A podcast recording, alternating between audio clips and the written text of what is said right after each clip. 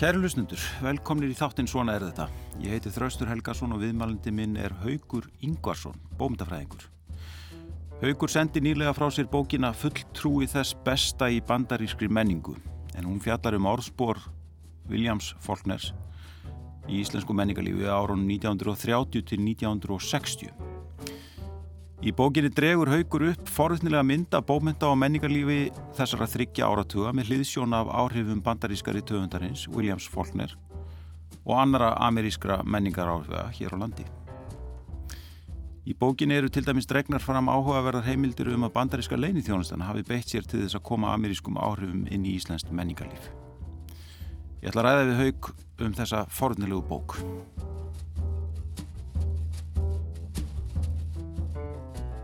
Haugur, velkomin í þáttinn. Takk fyrir. Sko, mér langar til að byrja á heimsókn Williams Faulkner til Íslands árið 1955. Uh, hvernig stóð á því að þessi stóri bandaríski höfundur kom til Íslands á þessum tíma? Sko, Valur Ingemyndarsson og, og fleiri hafa bent á það að uh, bandaríski um, erindrekar höfðu verið að leggja, reyna að leggja snöru fyrir fleiri höfunda og reyna að fá þá til að hérna, heimsækja Íslands meðan heim, heimsækja Ísland meðan annars Hemingway. Og bandaríkjumenn vissu af svona áhuga Íslanding á bókmyndum og þetta væri eitthvað sem þeir myndu vera gyngefti fyrir. En þetta bar ekki árangur fyrstum sinn en síðan fer uh, fólknir í heimsreisu á vegum bandaríska utanrikiðsáðunetisins byrjar í Japan og það gengur vel þar svona með einhverjum undantekningum vegna þess að hann er nú svona þekktur fyrir að vera alltaf slarksamur og, og hérna drakk ekki við sleitur mm. og þetta svona, ég veit nú ekki hversu sko, hversu nákvæmlega ferðalagi var, var skipulagt í upphafi en, en það bættust sífælt við fleiri viðkomastæðir og síðan uh, í rauninu var ákveðan myndi koma hingað áður en hann snýra aftur heim til bandaríkjana mm. Hvenar voru þessa tilrunir til þess að fá Hemingway og kannski ykkur aðra hingaði, eru þetta bara rétt nokkrum árum áður eða? Já, það er sko 1954 þá held ég þeirra að vera reynd að fá Hemingway til að koma um leið og hann tók átt að, átt að koma til, til Stokkóms til að taka við Nobelsvölarunum, en það gekk ekki eftir og það hefur verið fleiri nefn, nefnd svona í, í skýrslum en ég, Robert Frost sá í einhver tíman og, og hérna Steinbeck einhver tíman og, og, og fleiri sko. Já. En á hversu vegum er hann hérna? Er þetta, er þetta sendir á því? Er þetta leini þjónustan sem við lendum á þann eða hva, hva, hvaða stofnin er þetta sem er að Já, sko, senda ynga? Fólknir var svona alltaf sérstöra því leiti að hann held ég að hann helst vilja fá að vera sem allra mest í friði mm. og, en það kemur fyrir í sögunum hans, smásögum að uh, svona hún er fyrsta menni að gera skildu sína og hann uh, reyndi að, að berjast í að gera skildu sína fyrir föðurlandið, hann reyndi að berjast í fyrir heimstyrjöldinni og hann svona fer nú einhverjum sögum að því hann hafi líka reynda að bjóða sig fram í, í setni heimstyrjöldinni mm. og uh, síðan þegar að hérna hann fær Nobel-sölunin þá fara, fer bandariska utanrikiðsraðunetti þessu leit við hann að hann fari fyrst til Suður Ameríku, það er, það er fyrsta ferðin sem hann fer og hún gengur príðilega og þá fara þeir að reyna að fá hann til að fara fleiri ferðir, þannig að hann kemur hér bara á vegum bandaríska auðrangisaðanitisins. Og þetta er svona hluti að því einhvern veginn svona flytja út bandarísk áhrif og bandaríska menningu. Já, þetta er bara hluti af þessu svona því sem hefur kallað people to people kontakt. Uh, þeir eru, þeir voru að senda uh, marga stóra listamenn yfir, yfir hafið en, en þetta verður ekki bara bundi við listamenn. Ég, mena, ég var einu svona að horfa á MBA-rásina einu svona oftar og er að vinna eitthvað í tölvunum um leið og, og síðan sé eitthvað sem að mér býst að kunnulegt og rekki gút og þá er það esjan. Þannig ég set hérna talið á og, og fer að hérna sperra eirun og næ nafnin og manninu sem hefur verið að fjallum í, í þættinum sem er þá gömul körpoltastjarnar og þá kemur ljós að, að sagt NBA-mistetni körpolta 1954 minnum mig þeir komu í, í svona ofinbæra heimsók til Íslands og spiluðu síningarleiki hérna í Reykjavík og voru, fóru síðan á mentarskólinni í Laugavatni þar sem þeir kentu körupólta og þetta bara hluti á svona stórum Evropatúr þannig að það var, veist, það var mjög miklu kosta til og, og, og bandarækjumenn voru aldrei hugitsamir þar að koma því að, að reyna að ná til hópa sem þeir höfðu ekki ná til áður mm. og það er með, með fólknir hann, hann kemur hinga sérstaklega þeim tilgangi til að ná í ná inn í raðir uh, eða ná eirum mentamanna mm. Sem að bandreikimenn tölda væru fjandsamleiri þeirra garð og í sumum tilvikum þá mjög vinstri sinnaðir þannig þeir eru svona þetta er svona hluti stundum af eins og stundum hefur í þessu samengi og, og fjallataldið um sko bara skoðanakannanir og, og það að, að kortleggja markkópa mm. og það var eitt af því sem að bandrækjumenn gerðu í sínu menningastarfi þeir voru að, að, að sækja inn sæk, þeir voru semst að reyna að höfða til sérstakra markkópa sem þeir voru þá oft búinir að kortleggja þannig að þeir voru ekkert eitthvað, þetta voru ekki skoti myrkri Nei. þeir vissu að það var það var jarðvegur fyrir uh, heimsóknum af ákveðnu, ákveðnu tægi Já, og það var jarðvegur fyrir fólknir hér, ekki satt og það er eitt af því sem þú sýnir fram á í í bókinniðinni? Já, sko það, það er eitt af því sem heimsóknin uh, sýnir svo vel fram á. Það var hvað, sko, fólk, hvað ferill fólknæs er langur, hann er fættur 1897 og hvað hann er fjölbreyttur mm. vegna þess að við kannski ræðum það betur og eftir en, en, en fólknir átti talsveit erfitt uppdráttar í bandaríkjónum lengi framanaf en var orðin uh, frekar þekkturhöfundur í, í Fraklandi á fjóraðaratögnum þannig að þegar uh, fólknir kemur hingað þá til mis er þekkir tóran frá, frá fraklandsárum sínum. Þannig að hann er upprifnir því að fólknir sé kominingað og hann er ekkert eitthvað að hugsa um það sérstaklega hann sé hér á vegum bandarísku utanrengisaðunitisins síðan eru aðrir höfundar eins og Gumdi Danielsson og Gumdi G. Haglin sem hefur lesið fólknir í skandinaviskum þýðingum líka á fjóruða áratögnum mm. þannig að þeir þekkan sem allt annan höfund síðan er hann búin að vera í Hollywood og skrifa hérna vinsalar Hollywoodmyndir sem að hérna hefur verið síndar hér, Söfnin Langa til dæmis þannig að það, hann er líka þá eirum bara al, almenna borgara sem kannski bara þekkt hann svona rétt af, af afspurn mm. síðan eru fransku existenslistarnir þeir hafa hann líka í hávegum þeir voru hérna nýjasta nýtt í ungu kreðsónum í háskólanum mm. þannig að þar kemur líka ennanar fólk ennanar hópur sem er bara spendur og svo náttúrulega líka bara þessi svona hverju voru hvar áhrif á Íslandi Nobelsvæluna höfundur mættur og, og þá ætti kannski láta ná, ná þeir mynd náðunum sko En sko, uh, sko í bókinu ertu, ertu meðal annars að segja sögunum það hvernig nútíma bókmyndir bárust til landsins ekki satt? Jú, það var svona hluti af markmiðinu um, og fólknir er kannski, má segja, nokkur skona tróihestur. Hann er svona sá sem heldur, hann er, hann er svona það viðfangsefni sem heldur bókinni saman. En ég er um leið að, að, að nota hann sem svona grundvöld fyrir umræðum um ímislegt og það sem að mér þótti áhugavert, ég, ég var náttúrulega hér á Ríkisóttorpinu fyrir nokkrum árum síðan og hér má kannski segja að svona rannsóknir mínar fólknir hafi byrjað vegna þess að ég fekk mjög mikinn áhuga á Íslands heimsókninni mm. og þá hérna var ég daginn bara vantaði með efnu hugsaði með mér það hlýtur að vera til eitthvað í safn úndásins um þessa heimsókn Þannig ég byrja fyrst að leita á alla staði sem er dætt í hug og fann ekki þar. Þannig að þá fór ég að leita á stöðum sem eru mjög óleikleir og fór bara að fara í gegnum spjaldskarana gömlu, bara spjald fyrir spjald fyrir spjald. Mm. Og endanum fann ég spjald þar sem var stóð hérna, fyrirlestur fólknes í Háskóli Íslands, eh, ekki sendt út og hérna og ég finn þess að spólu og fer hérna niður í sapnið og sækið hennar stóra hlem og bara tilfinningin þegar ég setti setta með hernatólin og þessi drafandi suðuríkja best í eirun á mér var bara ólýsanlega ég færi ennþá gæsa húð bara við að hugsa um það. Já. en síðan svona þegar ég fór að uh, hugsa um þessa heimsókn og fór að hugsa um jájá hverju gáttu mögulega þekkt fólknir hér? Og, og ég fyrir að slá upp nafnun hans á, á, á svona leitavélum eins og, og tímaritt.is þá sé ég uh, fullirðingu frá íslenska rittvöndunum Guðmundur Danielsinni í tímanum árið 1939 sem hann er spurður hvað hann sé að lesa. Þá segir hann, ég er núna að lesa William Faulkner sem telver að eitt mesta skáldsagnuhöfund í heiminum í dag. Einmitt.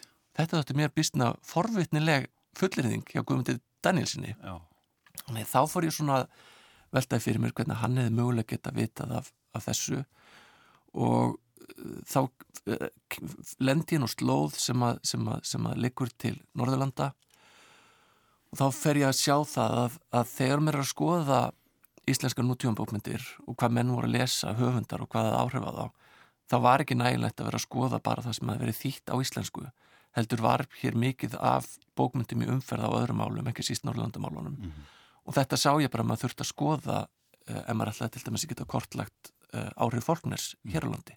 Já, einmitt. En sko, svo við bara, svo að hlustundur átti sig aðeins betur á bókinni. Mm -hmm. Þetta er, þetta er, þetta er bómyndasaga þessar að þryggja áratuga uh, út frá svona þessu sjónarhóttni. Mm. Þarna er, þetta er líka eiginlega menningarsaga. Þarna eru Mhm. mikil menningar átök, menningarlega átök á milli og líkar að hópa. Uh, en svo, svo er þetta líka kannski uh, svolítið pólitísk saga. Ekki satt. Jú og þessir þræðir spinnast nú oft saman Já. en ég er að vinna með kenningar, það er svona kenningarlegi grundvöldunum kannski fyrir rítgerðinni eru kenningar um bókmöndakerfi sem að Ísraelski fræðumörun Ítamar Evans og Har setti fram Mm. og það var fleiri fræðumenn sótt í hans brunn hér á landi Ástræður Eistinsson og Jóngarl Helgason og, og Gauti Kristmansson til dæmis bara til að nefna nokkra uh, Magna Mattiastóttir líka Svanfríður Lassen í sinni flottu greinu, fl- flottu, flottu bókum um hérna um þýðingar sem byrtist í tímaritum á, á, á 19. öld og upphafi 20. aldar en eitt af því sem að Ítamar Evans og Har segir er, er það að, að þegar þú ert að skoða það hvernig bókmyndir eru skapaðar það þýðir ekki bara að skoða um, listamannin sem einhvers slags snilling Mhm. sem ég vil nú reyndar meina að listamenn séu oft á tíðum ég vil Mhm. að meina að þeir séu snillingar Já. en það er ekki allir sammálum um það Mhm. en það þarf líka að skoða uh, hvernig uh, aðstöður þeirra eru skapaðar Mm. og þegar ég fór að skoða uh, fólknir þá sá ég að það var bísna margt sem að þurfti að vera fyrir hendi á Íslandi og í íslenskri menningu til að nafn hans næði fótfestu hér. Mm. þannig ég byggði reitgerinu upp í kringum hún er sögði, hún er rakin, sagan er rakin í tímaröð en um leið er hún brotin upp í svona thematíska kapla þannig í fyrsta kaplanum er ég að fjalla um kvikmyndir og hvernig uh, nafn fólknæs barst hingað til, hinga til lands með, með kvikmyndum. Ég er að skoða bókasöfn ég er að skoða ofinbert og ofinbert uh, menningastar bandaríkjana Mm. ég er að skoða þýðingar ég er að skoða frumskapaðan skáldskap og þannig með á áfram telja. Einmitt. Sko, maður velti fyrir sér sko kannski áður en við skoðum aðeins það sem að gerðist svona uh, hér á landi hvernig, hvernig fórum fólknir hérna í íslensku bómdalandslægi sko, hvað orðspor hafði hann í, í bandaríkjónum þú nefndir áðan að, aðeins kannski svona karakterenginni og, og, og svona en, en sko hva, hvar, hvar var hann í bandarísku landslægi, bómdalandslægi Sko þetta er svona þrætu epli meðal fræðumanna. Það er svona hversu þekktur eða óþekktur fólknir var uh, þegar hann kemur fram. Mm. Hann byrjar að skrifa á, á þriðaratugnum og uh, þá, þá skrifar hann bækur eins og uh, uh, The Sound of the Fury sem er svona kannski hans tilruna kendasta bók og, og svona uh, kannski skildust uh, hérna vitundaflæði Joyce og, og þar fram til göttunum en síðan sko, skrifar hann líka þegar komið fram á fjóra áratugin svona verk sem eru svona breyðar félagslega sögur eins og til dæmis Lætin Ágúst mm. eða Ljósi Ágúst sem að Rúnar Helgi Vignarsson hefur þýtt á, á íslensku.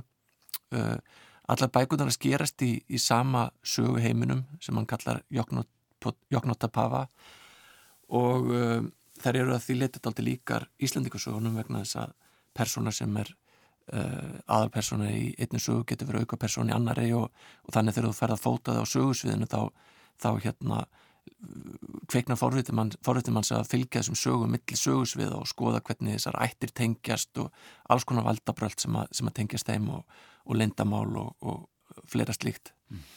en sagt, ég held að lengi vil hafa menn ekki gert sér grein fyrir hversu viðamikið þetta, fólk, þetta verkefni sem að fólknu færðist í fang var Mm. þannig að menn voru að skoða kannski bækurnar einar og sér og ekkert endilega sérstaklega mikið að velta fyrir sér tengslunum og hann verður síðan sko allræmdur í bandaríkjónu fyrir skaldsöguna Sanctuary Mm.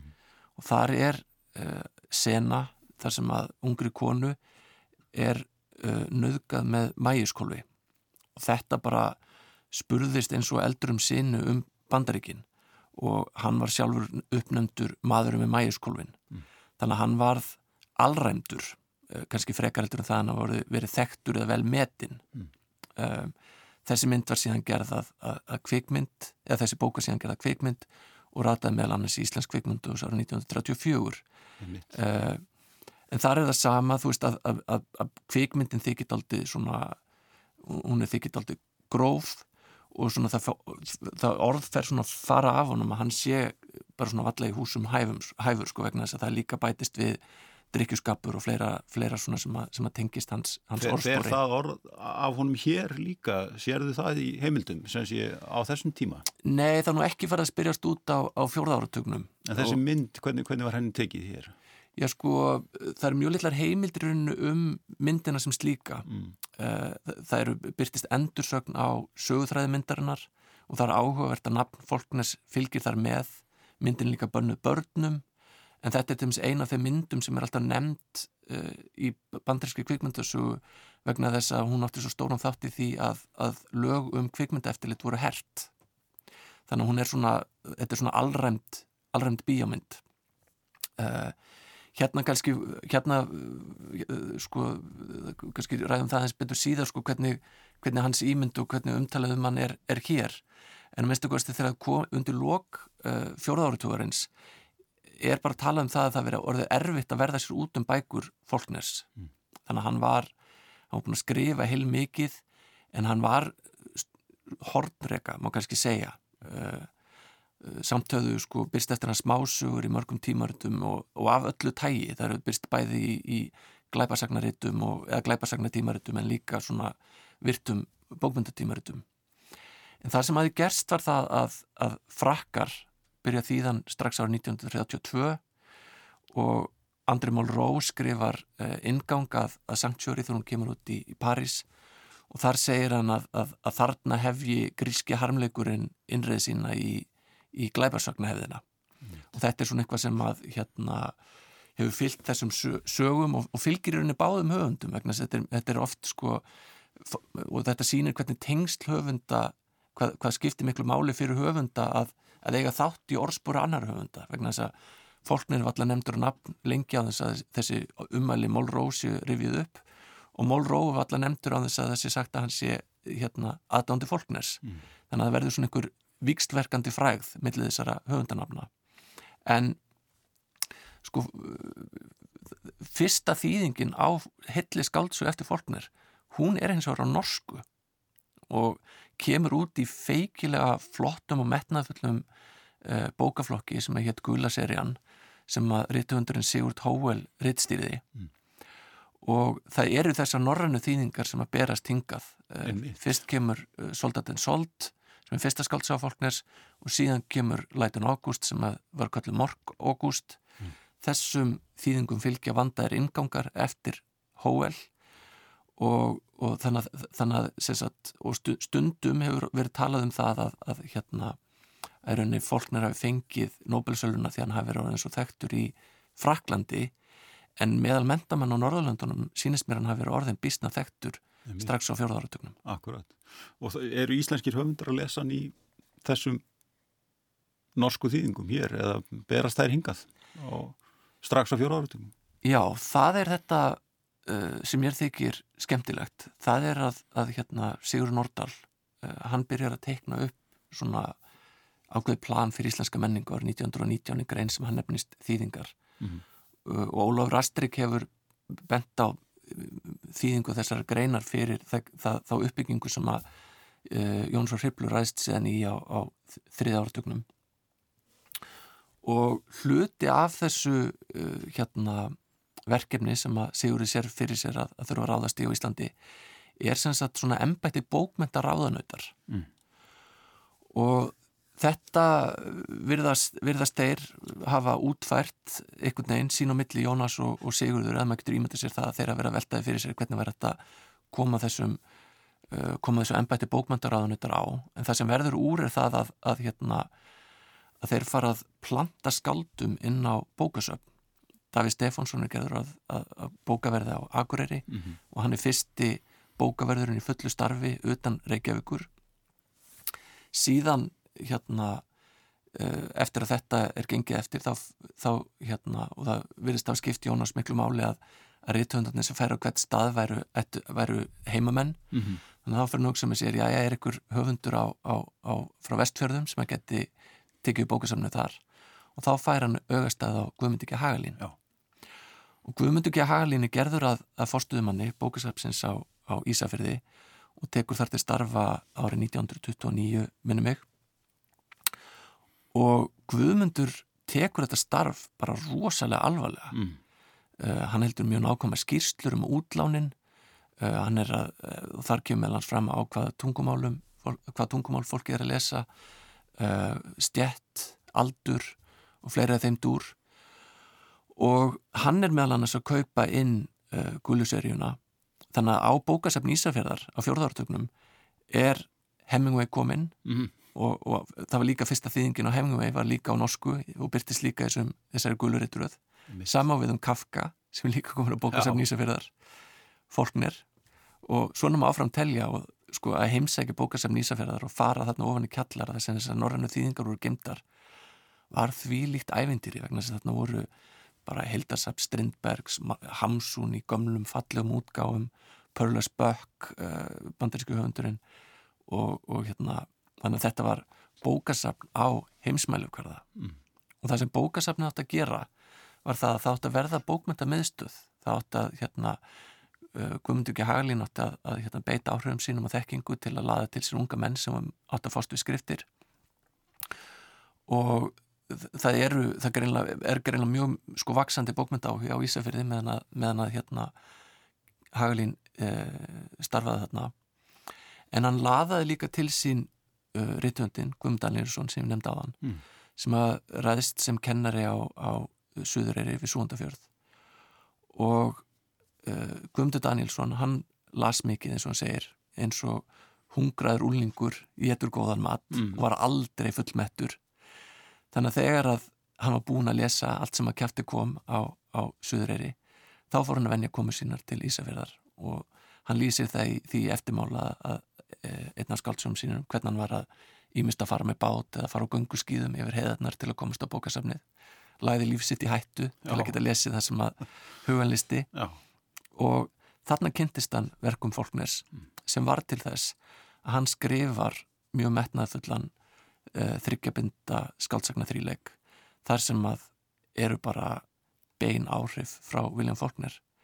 Og þetta er eitthvað sem að Guðmundur Danielsson nefndi í viðtölum alveg fyrir maður gammalsaldur vegna þess að ég held að hann hafi gert sig grein fyrir mikilvægi Faulkners og stærð og ég held að hann hafi líka gert sig grein fyrir því að hann var mögulega einn allra fyrstu höfundurinn á í Evrópu til að skrifa svona stórt verk undir beinum áhrifum frá Einmitt. Hvernig koma þessi áhrif fram í, þú, þú skoðar mjög vel hef, þessi verk eftir Guðmund Danielsson í bókinni og sko hvernig byrtist þetta í, í verkum í þessum hérna, bókum Guðmundur Danielsson sem er, er eiginlega glimtur höfundur. Já, skömm frá að segja. Sko- og, hérna, en hann fær nú svolítið uppreist nærfið þarna í þinni bók. Já, ég er nú vona kannski til þess að þetta verði til að vekja áhuga fólks á, á verkum hans vegna þess að Guðmundur er uh, merkilegur höfundur og það er gaman að lesa hann hans mér. Mm. uh, og þessi þríleikur hann er, hann, það sem hann gerir er uh, sko hann byggir aðala held ég að sækir aðala til Ljósi Ágúst og Ljósi Ágúst er gríðilega stór saga og það, eitt af því sem er þar er að, að, að margar af aðalpersonu verksins hittast aldrei. Það eru bara svona, það er einn ákveðin skurðpuntur sem er eldsóði og personurnar að horfa á eldsúluna sem að, sem að stígur upp af brennandi húsi og það tengir allt saman. Og það er í rauninni svipað skurðpuntur í þessu þryggjabindaverki Guðmundar sem eru ákveðin jarðakaup. eh, sem að, sem að svona, maður má segja sé svona skurðpuntur þar sem, sem personur úr ólíkum áttum hittast. Að öðru leiti þá, þá eru perso reyfa personurnar sem býst, býstna frjálslega um sviðið. Mm -hmm.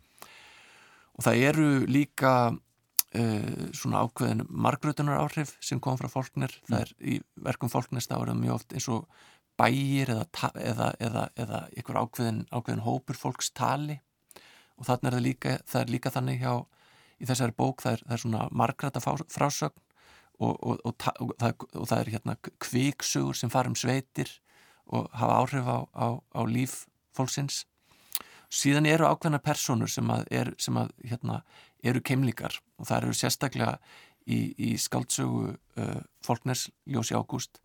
Þá er aðalpersonan uh, Joe Christmas maður sem er hvítur á hörund en allstar þar sem hann fer far alltaf að spyrjast sögur eða fer alltaf að spyrjast út sögur um það að hann sé hafi svart blóð í æðum. Vegna þess að hann e, líkti eins og svartur maður eða reyfi sig eins og svartur maður og, og þar framöndu göttunum og hann er bastarður, það er ekki vita hver fadur hans er sem er eigur enn á dölúðuna mm. í uh, skaldsögu gumdar er sögupersona sem heitir Gísli Gröf sem er líka uh, bastarður mm. en fadir hans er og það er líka lendamálum, lendamálum um fadirnið en fadir hans er ekki uh, einhver ótilgrindur svartumadur heldur danskur kaupmaður þannig að það er einhver svona þessi hugmyndum um hérna uh, blandablóð henni er aldrei snúið á haus þannig Já. í staðin fyrir það að þessi í rauninni uh, hans er dæmdur til svona félagslegar útskúunar uh, eins og Joe Christmas vegna þess að hann er svartur maður þá er hann í rauninni eins og prins í álögum hann, mm. hann á, á sér gufu og hann uppruna mm. en það er eins og að af því að verk fólkners eru svona breyðar samfélagslýsingar og þar skiptir litaráttur svo feikila miklu máli eða litarátt svo miklu máli þetta er náttúrulega eitthvað sem er erfitt að endurgera eða heimfara upp á Íslands samfélag sem er svona einsleitt á þessum tíma en það eru aðri hlutir sem að, sem að Guðmundur notar til að breyka samfélagsmyndin eða sína fram á fólk sem er í bári félagsleiri stöðu mm. og það er til dæmis uh, fólk með fatlanir móður gísla í gröf hún er mállaus þar leðandi er hún okkur veginn eins og uh, má segja hún sé eins og útlendingur mm -hmm. Uh, hún er líka, það er alltaf líka það er klefað á því að hún sé með svarta þykka fléttu sem gefur henni líka svona alltaf framhandlegt yfirbræð mm. Þannig að það er og hún er vinnukona þannig að hún er lágum stegum þannig að þarna tvinnast saman ólíkir þættir sem að skýra báa félagslega stöðunar eða, eða hvers vegna henni er alltaf ítt út á jæðarinn síðan er önnur persóna setna í, í þrílegnum sem er líka uh, forvitnileg og ég skoða svolítið uh, samhliða uh, móður Gísla. Það er vinnumæður sem er kallað Tommy Tuma og, og maður lýsingarnar á hann eru skrítnar fyrst er alltaf verið að tala um hvað hann sé varaþykkur svo er hann hérna sagt að, að hérna, hann sé svo músikalskur. Síðan þegar hann lendir í mikil sól þá er hann kallað glóðarhaus og er, allur, og er rauður í framann og manni finnst eins og þetta sé verið að lýsa stereotypu af svörtum einstaklingi mm -hmm. bara eins og í Kova Tómas að frenda eitthvað slíkt Já. og síðan á mikilvæg augnabliki sögunni þá stýgur einn persónu fram og kallar hann og nú afsækja orðbreið negra, mm -hmm. bókstaflega þannig að þarna er einhverja svona einhverja leifar af uh, sagnaheimi fólkners sem að rata inn í bækur uh, guðmyndar en ég held líka og þetta er eitthvað sem ég held að þurfa að skoða miklu betur ég held að uh, uh, litraft og, og það hvernig er verið að reyna átt að segja á því hvernig uh, samfélagsdíin er á Íslandi mm. þegar við erum að, að hérna, uh, brjótast í sjálfstæðis ég held að, þetta, ég held að það þurfa að skoða miklu betur bókmyndirnar í, í þessu samingi, mm. bæði frumsenda bókmyndir og og þýðingar mm. stór merkilegt hérna sko þú uh, sko þú ferði yfir það hvernig hvernig bókmynda og menningar áhrif berast ymitt uh, fyrir stríð frá, frá Norrlöndunum eins og rækið mm -hmm. en síðan verða breytingar á setni luta þessa, þessa skeið sem þú ert að skoða mm -hmm. um upp úr stríði þar sem að áhrifin fara meira að koma frá Breitlandi og Bandaríkjónum mm -hmm. Og, og þetta er svona saga sem við þekkjum en, en þú finnur kannski svolítið svona nýjar heimildir uh, um þetta og uh, ekki satt Jú uh, í setnilita bókarinnar þá uh, reyði ég mig talsett mikið á heimildir og bandarískum skjálasöfnum mm. Uh, ég fór til uh, á National Archive í, í Washington og afritaði þar á 3000 skjöl. Allt frá uh, tímum síðar heimstyrjaldarinnar og, og, og fram til fram á sjönda áratugin og þær gefa uh, svona svolítið nýja mynd finnst mér af íslensku menningarlífi og íslenskri menningarsögu mm. og eitt af því sem að ég uh, rakst á og komst að var það að, að bandaríkjaman hefjarunir skiplagt menningarstarf hér strax á stríðsárunum Mm. í gegnum stríðsupplýsingarskrifstofu og þeir farir rauninni að, að uh, átta sig á því hvaða aðferðum aðferðir gefast best.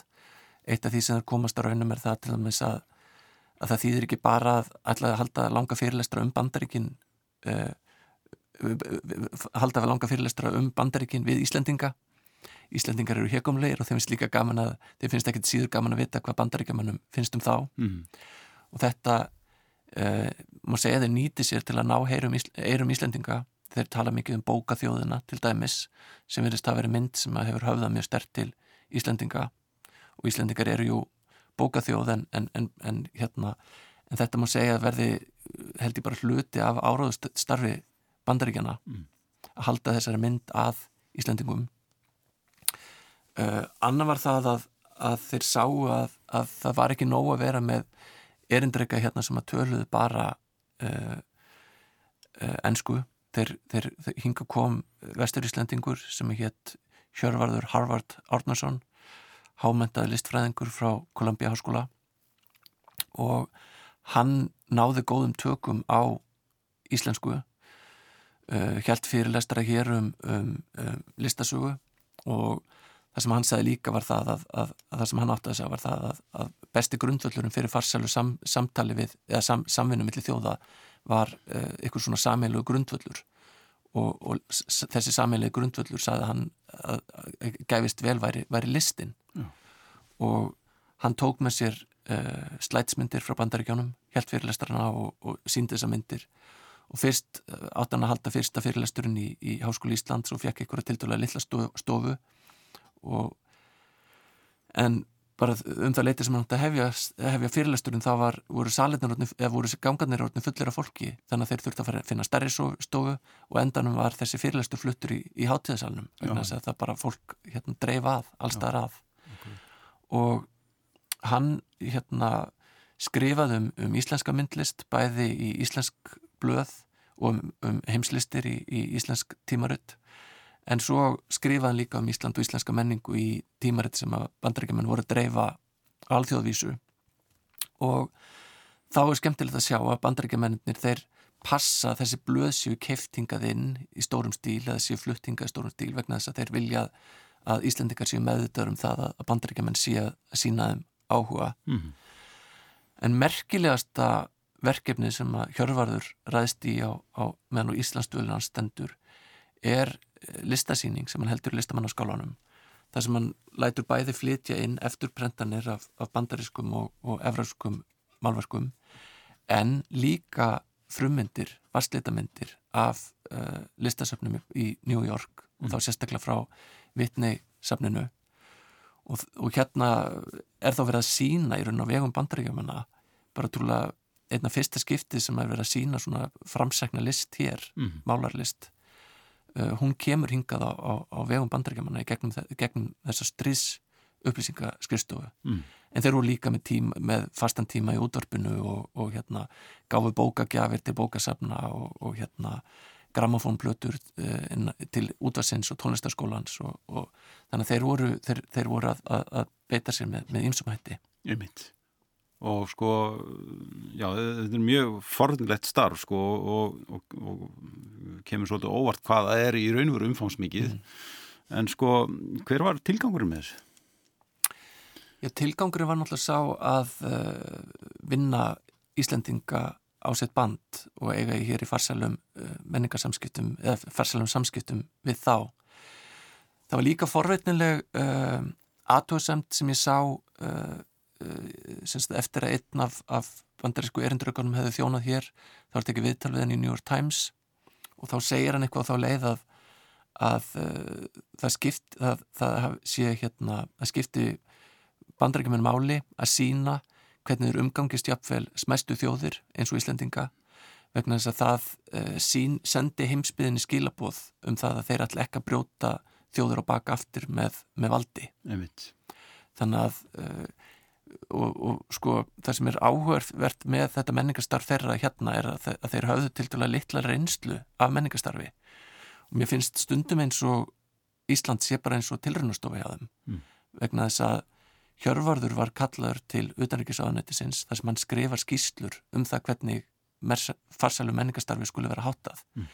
Hann er líka gerður að fulltrúa bandryggjana á stoppþingi UNESCO að, og, og þar er síðan sett hérna, og mjög grunar, þó ég get ekki sanna það, mjög grunar að þar hafi hérna Hjörvarður átt hlutamáli en, en bandryggjum senda líka listasýningu á uh, stoppþingið þar sem eru mörg, mörg af, margir á sömu listamennunum og voru, voru hér.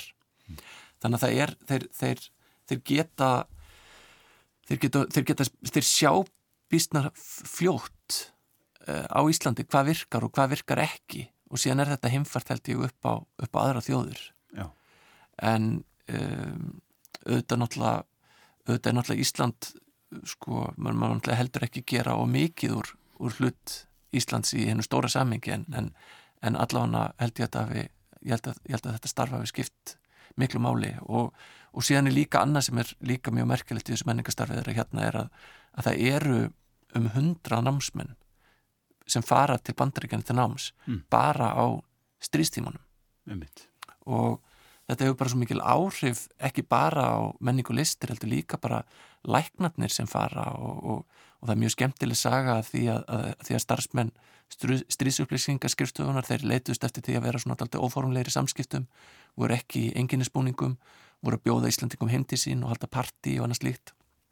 Og einu slíku parti eru tveir ungir íslenski menn sem að hafa áhugaði að komast í námi í, í flugi, annar vil læra flugrastrafræði, hinn vil læra uh, að verða hérna flugvirki. Mm. og erindir ekki bandaríkjan og segja já, heyrðu, þetta er áhugavert. Þannig að hann tekur upp síman og ringir í kunninga sinni bandaríkjanum sem heitir Lyndon B. Johnson sem var þá þingmaður í Texas, minnum mig. Þessi menn voru bara komin upp í flugvél og byrjaði, að hefja sitt nám tveim vikum setna og þetta segir alltaf um hvað, hvað þessi menn sem voru að starfa hér uh, voru uh, þetta voru menn, þetta voru menn sem hefði mikil sambund mm. þetta voru öflugir erindrekar sem voru að starfa hérna. Og þeir voru tilbúinir að, að beita áhrifum sínum til hins ídrasta til að greiða götu Íslandika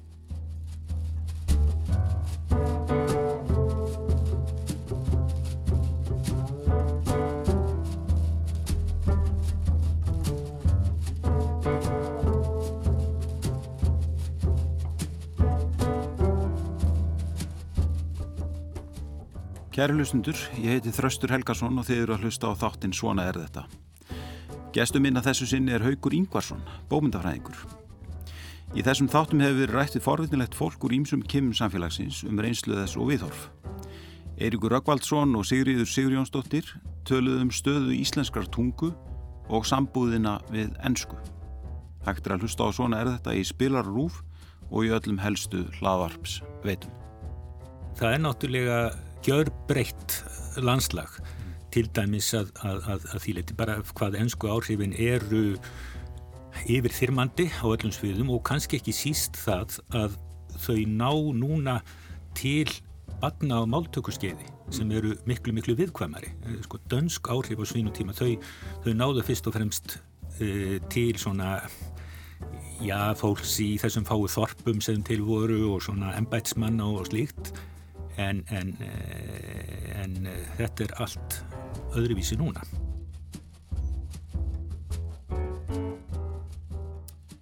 Haugur, mér langar til að forvittnast meira um það hvernig bandaríska leinithjónustan hafði áhrif á Íslandst menningarlíf um upp úr stríði. Hvernig beitti hún sér? Um, árið 1950 voru stopnuð talsveit fjölmenn samtök í Berlín sem er nefndust Congress for Cultural Freedom.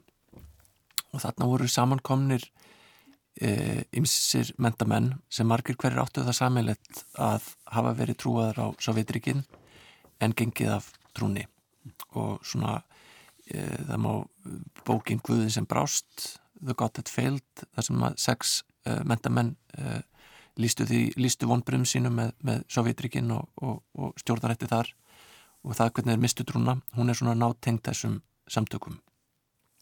Uh, þessi samtök voru svona á þessu stoppþingi í Berlín voru mentalsveit mikið að, að sverja af sér kommunismann og, og svona uh, fordama hann. En síðan er, er starfin að haldið áfram og smám saman þá og, og þau, það eru settar upp, höfustöðvar í París og þarna inn á þessa aðalskristofu uh, ná uh, leinu þjónustumenn bandaríkjana að planta sér. Mm. uh, og fara að beita áhrifum sínum með ymsum hætti. Og síðan árið 1952 þá er haldið annað þing og þá er ákveðið að það sé ekki nóg að vera bara með þennan stöðu áráður gegn Sovjetríkjónum sem, sem er sé bara algjörlega einn þættur og einn víður þeir þurfa líka að bjóða upp á eitthvað uppbyggilegt. Og þá er sett upp mjög uh, metnaðafull listasýning. Masterpieces of the 20th Century minnum að hafi verið yfirskriftin. Og þarna uh, eru bæði sínt uh, margtaði besta úr, úr bandarískri og, og evrópskri list bæði tónlist og myndlist og, og, og öðru slíku. En líka flutt verk eins og til dæmis tónverk eftir Sjóstakovits mm. sem hefur verið fordæmt í Sovjetríkjónum þannig að þarna er verið að sína annars vegar sko frelsið sem að evróskir og, eða vestrannir listamenn búa við og svo um leið í rauninu að benda á uh, uh, þröngsinin eða harðræði sem, að, sem að er við líði í, í Sovjetríkjónum mm. um, það að tengja saman mótinisma í, í listum og, og bókbendum hefur verið kallað svona og, og vestrand líðræði hefur síðan verið kallað kaldastriðs mótinismi mm -hmm. og hefur verið mjög fyrirferðan mikið hugtak í rannsóknum svona síðustu tvo áratvíi og þá hafa menn verið að skoða hvernig þessar hugmyndir bárust um heimsbyðina mikið til í gegnum tímaritt sem að tengdust þessum uh, uh, samtökum Congress for Cultural Freedom og voru oft drifin áfram af bandarísku fjármagni Nefnt.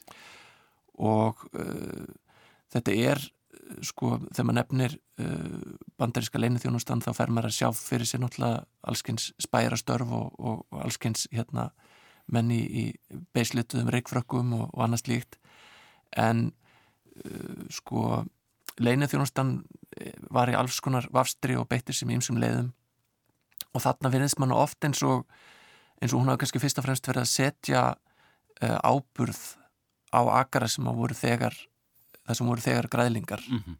þannig að þeir eru kannski ekki að neyða neitt til að gera neitt sem hann vill ekki en þeir eru að, að veita hug, þeir eru að íta undir og veita hugmyndum brautagengi sem hefur kannski annars ekki náða blómstra mm. og eitt mikilvægasta tímariti sem þeir gaf út var Encounter og áhrifa frá því fara, fara, áhrifa, áhrifa frá því fer að gæta hér á landi í grein sem að Mattias Jónesen skrifar árið 1954 og heitir Uglur í mósónum og þar er hann farin að tala um atomljóðlist sem er þá náttúrulega svona íslenska samengið og abstrakt málverkið mm. sem ansvar við sósjálrealisma mm. og þarna var það ekki þannig að Mattias Jónesen hefur tekin og heilað veginn af, af hérna uh, bandarísku leinþjónustunni en eins og það eru þarna að koma ákveðni kvatar utanfrá og það er líka verið að búa til ákveðnar uh, svona um, já, rök, rökleiðslur eða rökleiðslu aðferðir eða kvíjar fyrir hugsun eða leið fyrir hugsun sem að, sem að fær svona með aukinn skriðþunga í þessu alþjóðlega sammingi mm. Uh, voru tímaritt hægri manna hér félagsnýtt AB og stefnir voru þau undir áhrifum og jáfnvel fjármögnu eða hvað Mm, sko ég hef ekki séð neinar heimildi fyrir því að fjármagn hafi komið hingað inn í íslenska íslenskt eh, menningastarf og hægri vagnum frá bandaríkjónum. Ég, eh, ég hef ekki séð neina peningabilinir skiptum hendur í, í því samengi. En hins vegar náttúrulega senduður yngar tímaritt og þeir sendu yngað uh, eh, listamenn uh, og, og mentamenn í, í ofinbæra heimsóknir. Og þá held ég ofta að, að, þá held ég að, að að leinu þjónustan hafa oft borgað brúsan bak við tjöldin. En svona uh, skýrasta dæmi finnst mér um samstarf svona ef ég á að taka bara eitt dæmi sem finnst algjörlega svona borlegjandi þá er Þorstein uh, Tóransen sem var blaðmaður á morgunblæðinu hann á í brefaskiptum við höfustöðvar uh, Congress for Cultural Freedom í París mm. og í einu af brefunum sem hann uh, skrifar ke kemur fram að hann segir eitthvað þá leið það er erfitt og kostnaði samt að, að koma nýju tímar út á fót en uh, mér og félagum mínum hefur bóðist að taka við tímariti sem að er hérna á, á sterkan grundvöll og, og við getum fengið að móta eftir okkar áherslum. Og það er þá stefnir sem hann tekur við á samt Matterissi Jónisen uh, bara skömmu síðar. Og þá breytist uh, uh, sagt, stefnir úr þjóðmálatímariti í menningatímarit og þeir var að byrta skaldskap í óbundnum formi hérna, skaldskap í óbundnum máli atomljóðlist með öðrum orðum. Og Uh, og maður sér líka í, í þessum brefum sem að, að Þorstein sendir að hann er óska eftir því að þeir geti jafnvel lagt þeim lið við að, að prenta myndir uh, af málverkum sem þeir geti sínt í tímaritinu sem myndur þá passa líka við þessar áherslur. Og hann sendir þeim tímaritið uh, út þegar hann er búin að þegar þeir eru, eru teknið við því og er þá að spurja hvernig þeim lítist á. Akkurat. og þeir segja bara þeim lítist vel á þetta tímari, þeir geti lítið lesið því en, en, en þetta, þetta líti allt saman sem vel, vel út sko.